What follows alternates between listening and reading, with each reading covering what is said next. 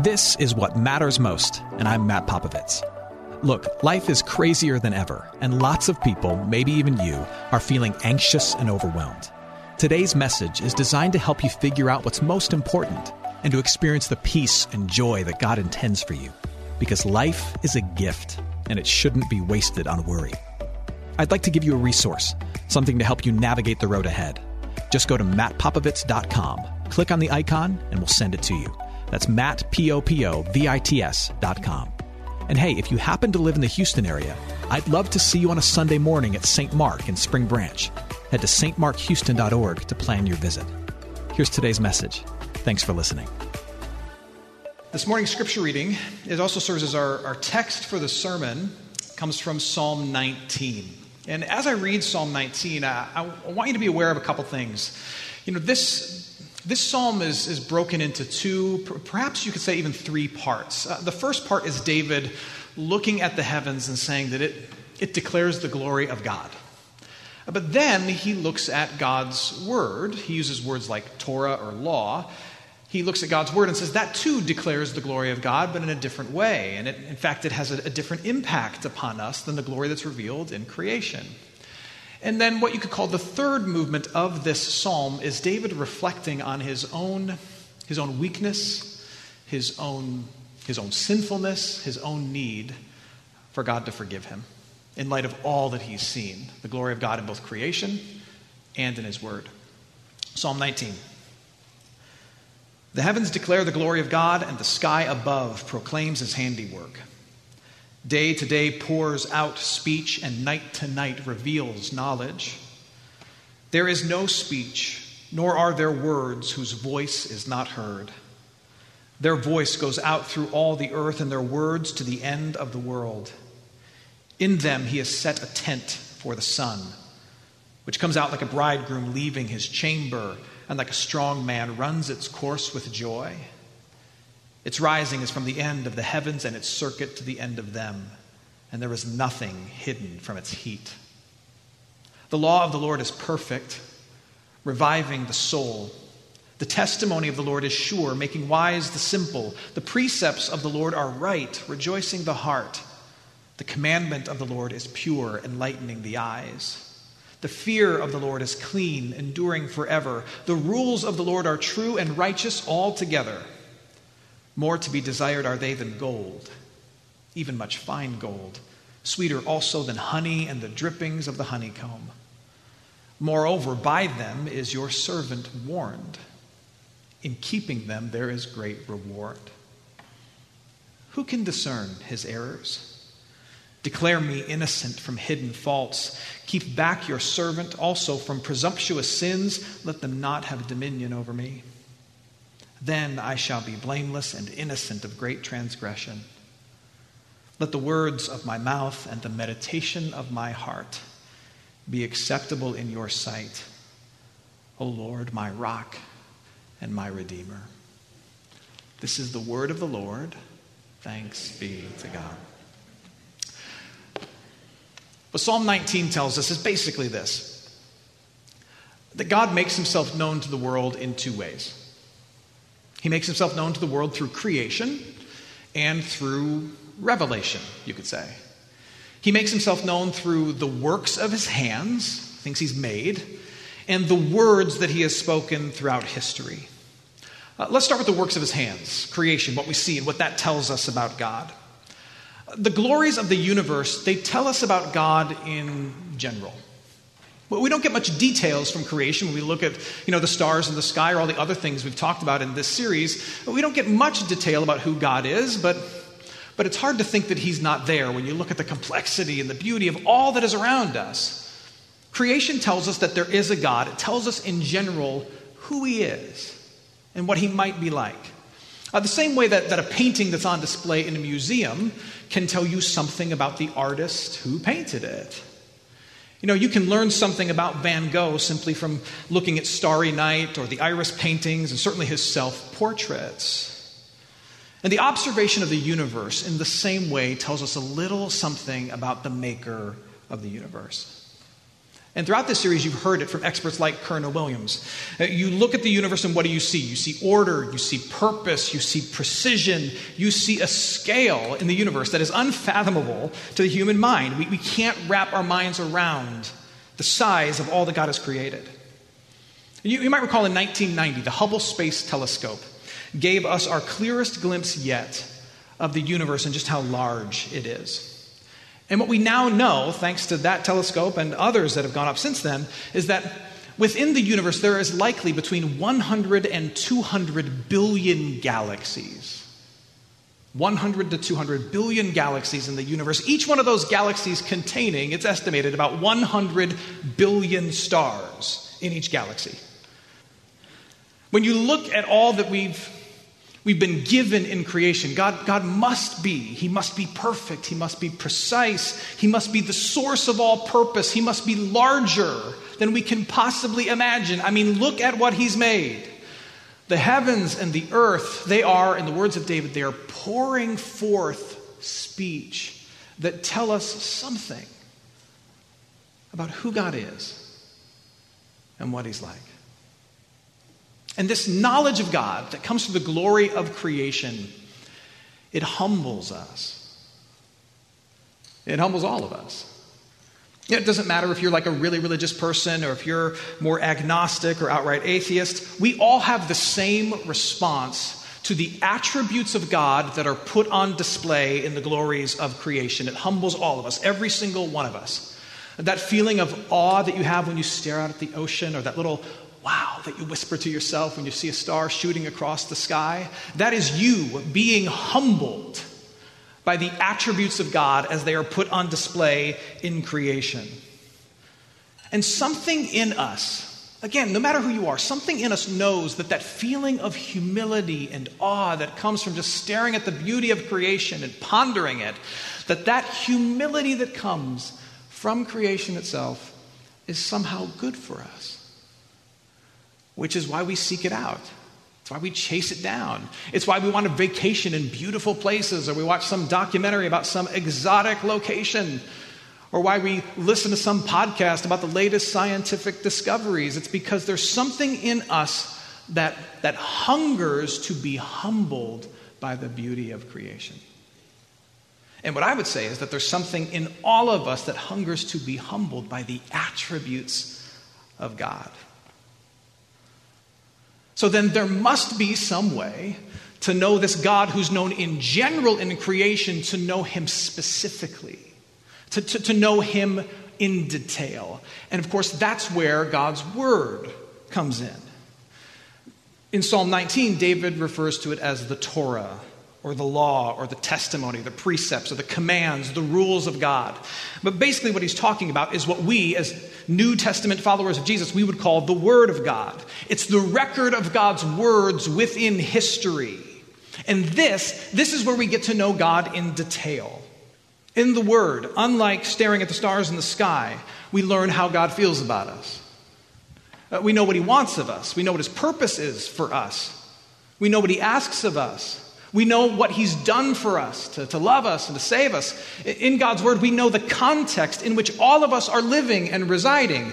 Uh, the Word is where we get to know God in detail, and when we know Him in detail, that's when we can actually encounter Him. And while creation humbles you and gives you a sense of awe, knowing God in detail through His Word, it, it does more than humble you, it transforms you. And that's the point that David is trying to make. That's the point David is trying to make in the psalm when he says that, that the law, or what we would call the word of God, God's spoken word into our history, into our world, God's spoken word, it does stuff to you. It, it revives the soul. It makes wise the simple. It rejoices the heart. It enlightens the eyes. It is to be more desired than gold. And here's what I need you to know that's actually what you're longing for. You're not just longing to be humbled by the beauty of creation and to ponder where we come from and who made it all and what the purpose of life is. That's just the beginning. What you were actually made for, what you're actually hungering for at the most deepest level, is to be made new by the one who made all things. Here's how, here's how God's word works it transforms you by exposing you. Sounds fun, right? God's word transforms you by exposing you. I mean, think again about how David ended the psalm. He's pondered the, the greatness of God as revealed in creation. He's pondered the greatness of God and, and the wants and the wills and the words of God as revealed in the scriptures. And where does he end up? He ends up in this place where he is intensely aware of his own weakness, his own smallness, his own frailty, his own sin, his own mistakes. I mean, he's completely exposed. Listen again to what he says.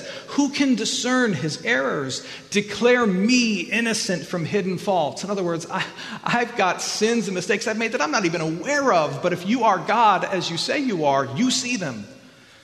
Keep back your servant also from presumptuous sins. Let them not have dominion over me. I'm so weak that I'm often controlled by things I don't even want to do.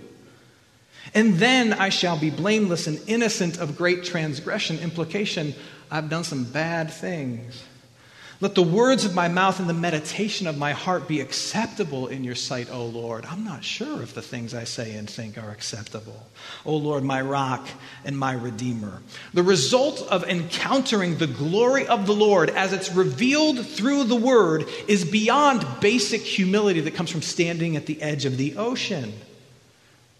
No, what it is, what God's word does to you is it, it kind of undresses and exposes you, and you see this, this deep awareness emerge inside your heart and mind of your weakness.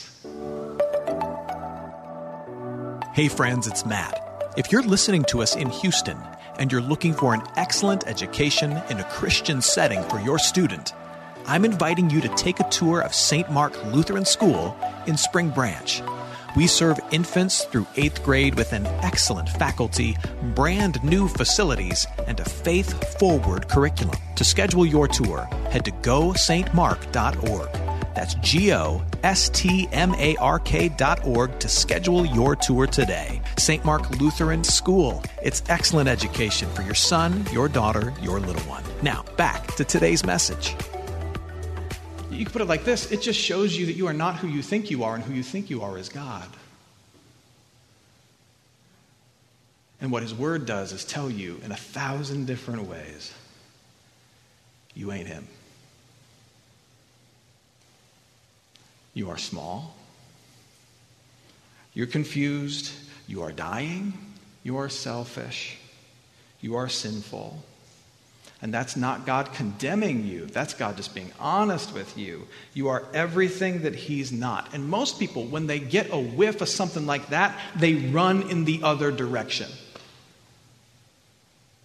You know, there are certain things people don't want to know about themselves. It's the same reason people don't ask for bathroom scales for birthday presents. There are some things about ourselves we'd rather not know. And yet, God's word, if God is speaking through it, like, like people of faith believe that He is, what it does is it, it shows us who we really are. It shows us all the things we don't want to see. It utterly exposes us. But, but here's the question I have for you. And it's a question that you can ponder whether you're here as a, a lifelong follower of Jesus or whether you're someone who's supremely skeptical about all this stuff. And this question is, is a basic human question Do you want to be transformed? Do you want to be different tomorrow than you are today? Are you unsatisfied with the way things are in you, like deep, deep within you? And do you believe that something, something has to change within you? Do you desire transformation? Then the path towards that transformation that I think you know you need and want, the path towards that transformation begins when you stop running from the experience of being exposed by truth. Let it convict you, let it correct you. Break down the fences that you've got around this part of your life or this part of your life and say, all right, all of this is fair game. I'm going to give God's word a hunting license in all these aspects of my life. Tell me what you find. The psalmist puts it like this Search me and know me. And see, God, if there's any offensive way in me. That's, that's what this is talking about. Let it speak to you, convict you, correct you. Let it show you who you really are. Stop running from that. And you might say, well, I'm not running from that. I think you are. I do all the time. We find lots of creative ways to run from the truth of God's Word. We don't read it. We find lots of creative reasons not to come to church where we're going to hear it or encounter it. I would love just for once for somebody to be like, you know what, I can't come to my son's travel soccer game because I've got church and it's just interrupting things. Never heard it once in 16 years of ministry. We find lots of creative ways of running from the truth of God's Word. And I know that none of this sounds fun, being exposed and convicted and letting God's Word do a work on you. I know it doesn't sound fun, but you, are just going to have to trust me, rather, trust God's Word itself, that, that the end result, at least to God, is very, very beautiful. And you see, Jesus is the ultimate thing that God's Word reveals. So creation tells us about God in, deta- in general, rather, but God's word tells us about, about himself in detail. And the greatest detail about God is his son, Jesus Christ. And, and his life, and his death, and his resurrection, and his return for you. When you sit with God's word, it will introduce you over and over again to the person and the work of Jesus. And that's where the transformation begins.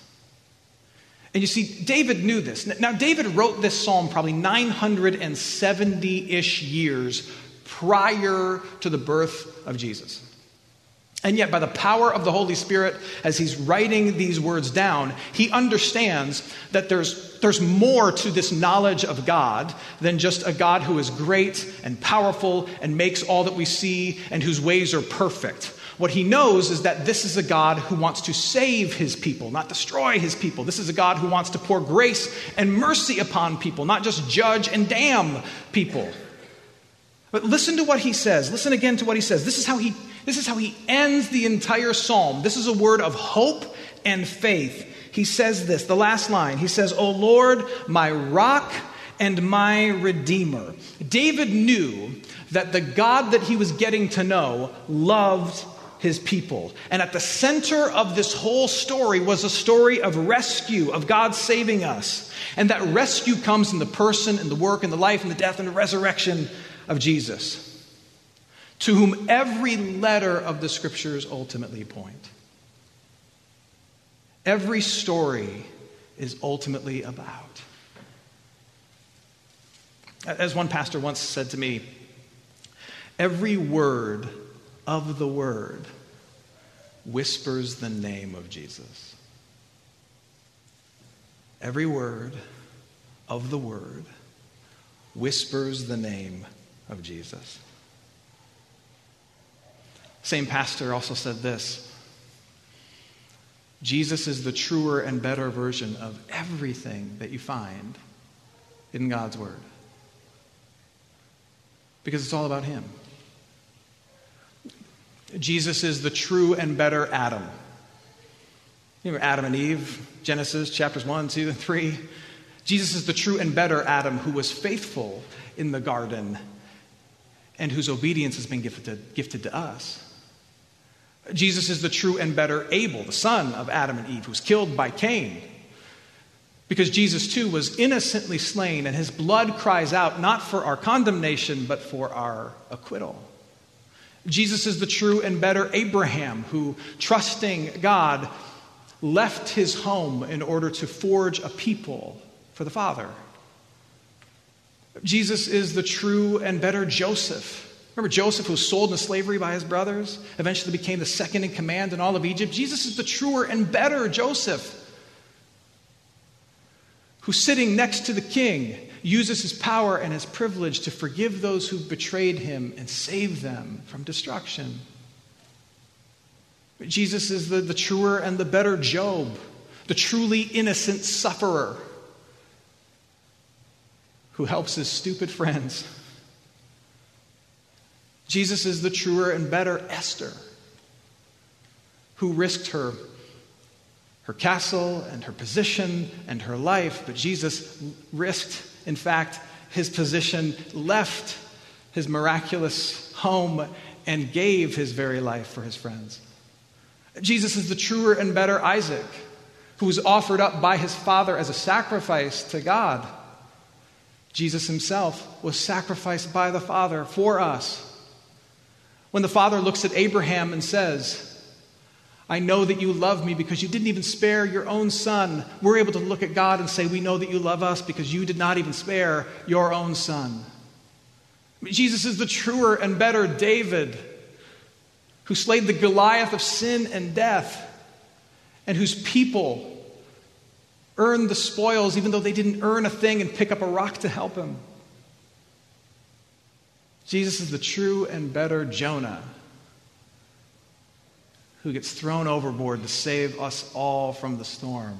And it goes on and on and on. The point is this all of creation points to Christ, and all of the scriptures point to him. It all finds its focus and its fulfillment in Him. And God's point of revealing Himself through the Word is that you might be exposed for who you are and then take the reality of who you are and lift it up to Jesus. And that's where the transformation begins because it's all been pointing to and leading to Him. And when you take the reality of who you are and you lift it up to Jesus, that's when the transformation happens because God announces you as forgiven. He calls you beloved. He says you are His own. He says that you are perfect and holy in his sight. You are perfect just like him in his own eyes because of the work of Jesus. And that's when the transformation begins.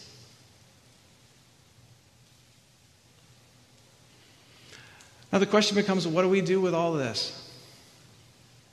Knowing that God reveals himself in general in creation, but he reveals himself in detail in his word, a word that exposes us, and we shouldn't run from it because we take that exposure and we lift it up to the Father, and he shows us Jesus who has done everything to save us and forgive us and make us a member of his family, and that that changes us forever. What do we do knowing this? Well, I think at the very least, we commit to, to refusing to run from being exposed by the truth of God's word. What does that mean? Would you read it? And if reading it seems daunting because you don't feel like you understand it, would you, would you get a resource to help you read it? Or, or come to me and I, I can give you a resource to help you read it? Would you come to this place where you can, you can hear it and you can uh, be taught it and you can be surrounded by other people who hold to it or being shaped and transformed by it. And, and as this truth of who God is exposes you and shows you who you are, don't deny it. Embrace it. Don't try to rationalize it or explain it. J- just take who you're revealed to be, your weakness and your, your frailty, your sinfulness, and all of it, and lift it up to Jesus and know that God forgives it and He sees you as perfect and holy and beloved. And know Know that every demand of God's word has been fulfilled by Jesus for you, and every, every imperfect or awful thing exposed in your life by God's word has been forgiven by Jesus for you. That's what we do with this, and we repeat it continually until kingdom come. Expose yourself to God's word. Let it do a work on you. Lift up what you see to Jesus and know that you're forgiven and loved and watch as it transforms you over and over and over again. Don't run from the truth. Don't run from the truth. Let it transform you through the grace of God in Jesus Christ. And as it transforms you, know that it is more pleasing to the one who made you than every one of the 100 billion stars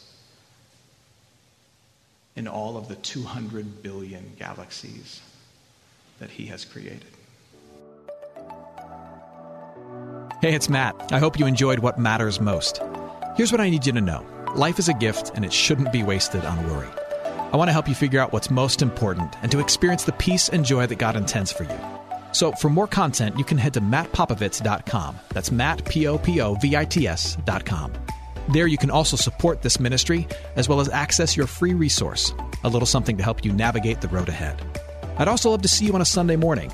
If you're in the Houston area, head to stmarkhouston.org to plan your visit. In the meantime, hit me up on Instagram at mpopovits or at facebook.com slash Matt Popovits Ministries. Thanks for listening. Now go and hold tight to what matters most.